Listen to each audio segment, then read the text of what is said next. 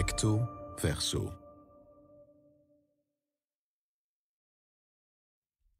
Crippen of wanneer cultuur te krap wordt. Fien Kriel woord en Monica Villafijn beeld. In woord en beeld leggen Fien en Monica Villafijn de blinde vlekken bloot van een wereld die door niet-gehandicapten is ingericht. Hoe kunnen steden en cultuurhuizen hun ontoegankelijke ruimtes herdenken? Het antwoord? Crippen, een term die assimilatie aan die wereld afwijst en normatieve ideeën over lichamen ter discussie stelt. Een avondje theater betekent treden tellen. Wanneer de bel in de foyer gaat, de mannen aan wijnglazen nippend hun echtgenotes die de tickets bijhouden, volgend, en in beschaafd groezemoes de conversaties voortzetten op de trappen, terwijl ze routineus hun zitje opsporen, pin ik mijn ogen vast op de brede rug van de vriend die me die avond meevroeg. In het linkerdeel een betonnen muur die wat helpt naar de zijkant. Rechts een trap die naar boven leidt en nog verder, buiten beeld, een fietstunnel. Na 25 jaar wachten werd in 2019 de tunnel geopend.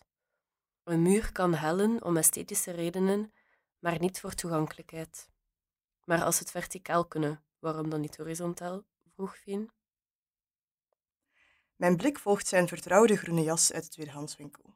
Zo weet ik waar ik heen moet, terwijl hij voor mij een doorgang effent. Ik hou mezelf staande in de stroom. Het treden tellen vergt al mijn energie, waardoor ik geen woorden overhoud om gezellig verder te babbelen. Hij weet intussen dat het navigeren in ontoegankelijke ruimtes mijn multitaskende vaardigheid lam legt. Het is een stilzwijgende afspraak die we nu al een tijdje volhouden als we samen naar concerten in de vooruit gaan of theater kijken in de schouwburgen.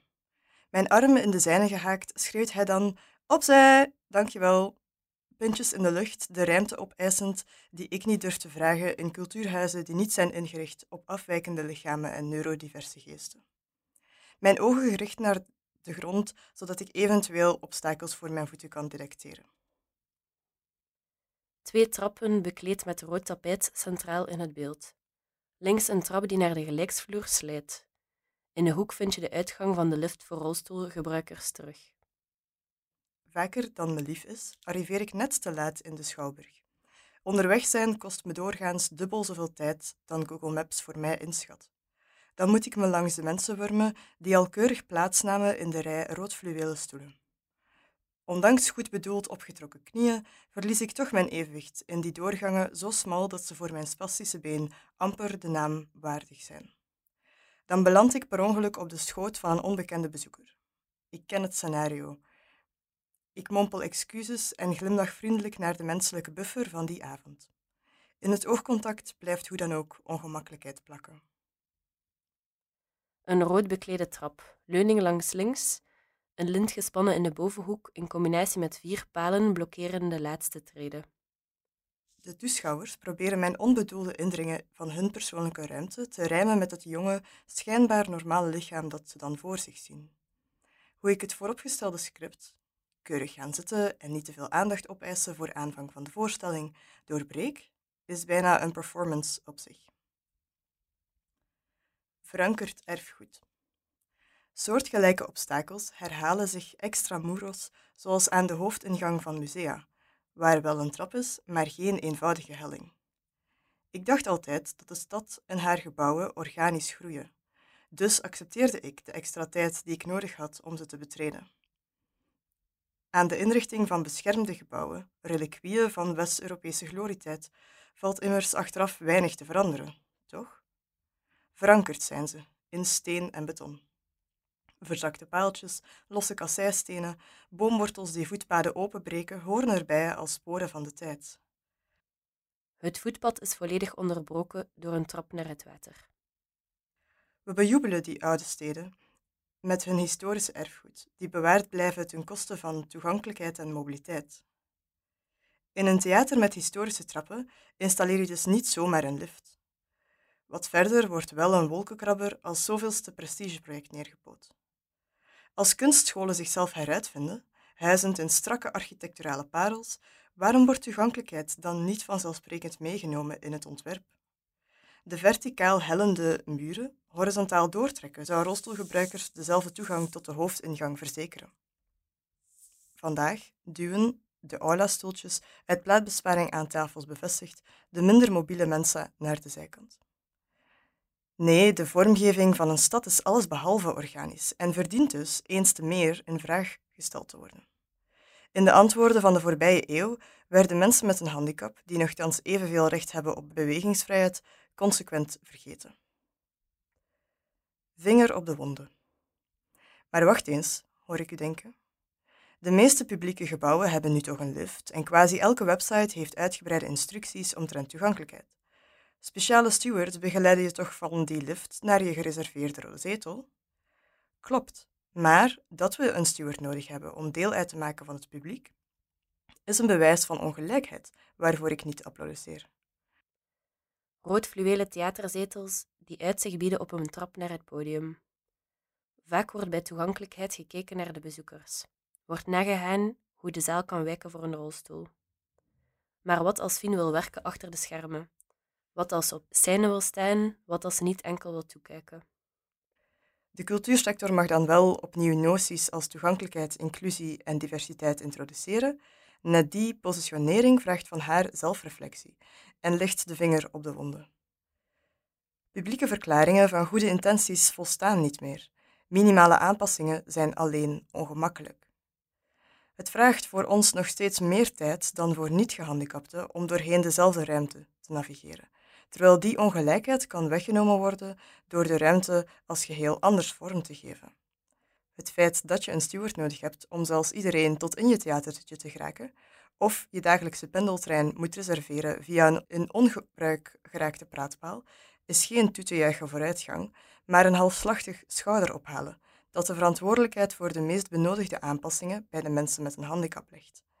Ik hoef u alvast niet uit te leggen hoeveel energie al die planning op voorhand inneemt. Hoezeer de e-mails en de telefoontjes om een steward te reserveren of naar een lift te vragen, de spontaniteit en het plezier uit het dagelijkse leven wegnemen. Ik hoef u niet uit te leggen dat je wordt uitgesloten van intellectuele theaterdiscussies als je bij aankomst aan de schouwburgtrappen eerst op een steward moet wachten om je aan te melden aan de balie. Vier afgeronde tredes in witte steen, op de achtergrond is de voet van een zuil zichtbaar. De kunstwereld en de culturele sector kloppen zich dan wel op de borst dat ze openstaan voor het anders zijn of gaan er prat op zichzelf heruit te vinden zoals geen enkel ander segment van de samenleving dat kan. Maar de inrichting van hun huizen en ook de samenstelling van hun programma's dwingen bezoekers en makers met een handicap nog al te vaak tot ongemakkelijke zichtbaarheid dan wel pijnlijke onzichtbaarheid. Dat er geld nodig is om meer fundamentele aanpassingen door te voeren, valt niet te betwijfelen. Maar dat mag geen excuus zijn voor deze gebrekkige aanpak. Dat dezelfde problemen qua toegang en zichtbaarheid van gemarginaliseerde stemmen al zo lang aanslepen, toont dat een tekort aan middelen niet allesverklarend is. Het veeleer is een radicale mentaliteitswijziging vereist. Wat Crippen betekent. Als een lift al niet meer volstaat, hoe kunnen cultuurhuizen dan wel gelijkwaardig verwelkomen? Laat mij een term introduceren die het vast goed zal doen in de volgende discussie met gelijkgestemde intellectuelen. Cripple is afgeleid van het Engelse woord crippled, tussen haakjes kreupel, en wordt sinds 2010 op een emancipatorische wijze toegeëigend door mensen met een handicap. De term wijst assimilatie aan de niet-gehandicapte wereld af en stelt haar normatieve ideeën rond lichamen in relatie tot de ruimte ter discussie, vertrekkend vanuit handicap als een waardevol en complex element van iemands identiteit. Een witte wijsvinger duwt de omhoog-knop in van een lift. Vaak vind je de lift voor rolstoelgebruikers achter een zware deur of een slot, verstopt langs de zijkant, omgeleid langs achter. De signalisatie beveelt. Vraag hulp, bel aan, ga naar de balie en wees dus afhankelijk van een ander lichaam. Onze integratie en participatie vraagt normalisering. Handicap is constructief voor iemands identiteit, maar dat wordt vandaag nog te vaak ontkend door een niet-gehandicapte meerderheid. Net als gender, ras en nationaliteit is het in een ideale wereld een persoonlijkheidskenmerk dat je leven vormgeeft. Waar het niet dat het vandaag nog steeds als een probleem met een eenzijdige oplossing wordt weggezet. Krippe kan de vinger op de wonden leggen door handicap als fenomeen te politiseren en tegelijkertijd in te bedden in onze alledaagse werkelijkheid. Wil je een gelijkwaardige toegang garanderen tot de hoofdingang van de Musea voor Schone Kunsten, installeer dan kleurrijke ramps die daarboven het verstoppen van aparte rolstoelingangen aanklagen. Breng wegwijzers en signalisatie via pictogrammen duidelijker in zicht, subtiel passend binnen het geheel van de huisstijl. Gecripte theaterstoelen zijn breder, bieden basiscomfort aan alle zitvlakken en accommoderen diverse lichamen en hun mobiliteitshulpmiddelen. Zo dwingen de twee enige rolstoelplaatsen in de zaal geen ongemakkelijke aandacht meer af. Een noodtrap bevestigt aan de buitenkant van een gebouw. In het gebod In fire emergency, do not use elevator, use exit stairs ontbreken instructies voor personen voor wie een trap geen uitweg biedt. In cultuurhuizen waar krippen een aanvaarde praktijk is, worden gebarentolken onvoorwaardelijk naast ieder podium geplaatst. Reservatieprocedures worden afgeschaft. Er zijn immers genoeg stewards aanwezig om de vragen van bezoekers en artiesten die zich verloren voelen te beantwoorden. Als we mogen dromen, kan het barpersoneel zich vlot met handgebaren uitdrukken en is braille in alle programmaboekjes vanzelfsprekend. Krippend protest vult iedere put in het wegdek naar de stad Schouwburg op met een fluoriserende kasseisteen, om overheden eraan te herinneren dat het basisrecht op toegankelijkheid begint bij zoiets eenvoudig als een egaal begaanbare ondergrond. Krippe verzet zich tegen het gebruik van handicap als een eenmalig requisiet op het podium, terwijl de drempels onderweg stilzwijgend werden genegeerd. Een draad, een gat of een paal duwen Fien het voetpad af, de rijweg op, het voetpad terug op. Ze wordt zo voortdurend beperkt door de tijdelijke en permanente ingrepen in een stad. Krippe eist niet alleen de erkenning voor onze effectieve bijdrage aan de vormgeving van de bewegingsruimte. Het klaagt ook de onzichtbaarheid aan van die bijdrage, zolang handicap onwenselijk is voor een niet-gehandicapte meerderheid, die haar ruimtes niet aanpast aan onze noden. Krippe zet in op wat er al is om aan die noden te beantwoorden. Het is een creatief verzet dat niet alleen materiële vernieuwing vraagt, maar ook inzet op menselijke verbinding. Krippe in de kunstwereld kan een scala aan artiesten en toeschouwers binnenbrengen die diversiteit en inclusie vanuit een geleefde noodzaak verder dragen dan de modewoorden waar we nu met z'n allen over struikelen. Biografieën. Vincril, geboren in 1997, is politicoloog en studeerde af als Master Conflict and Development aan de UGent met een thesis over inclusiebeleid voor studenten met een handicap. Ze maakt deel uit van de Young Board van Vooruit. Monica Filafijn, geboren in 1997, studeert conflict en development studies. Ze plutert graag als onderzoeker en kijkt waar film en fotografie elkaar raken met de revolutionaire liefde. Wat ze hierna exact gaat doen, is nog hoogst onzeker.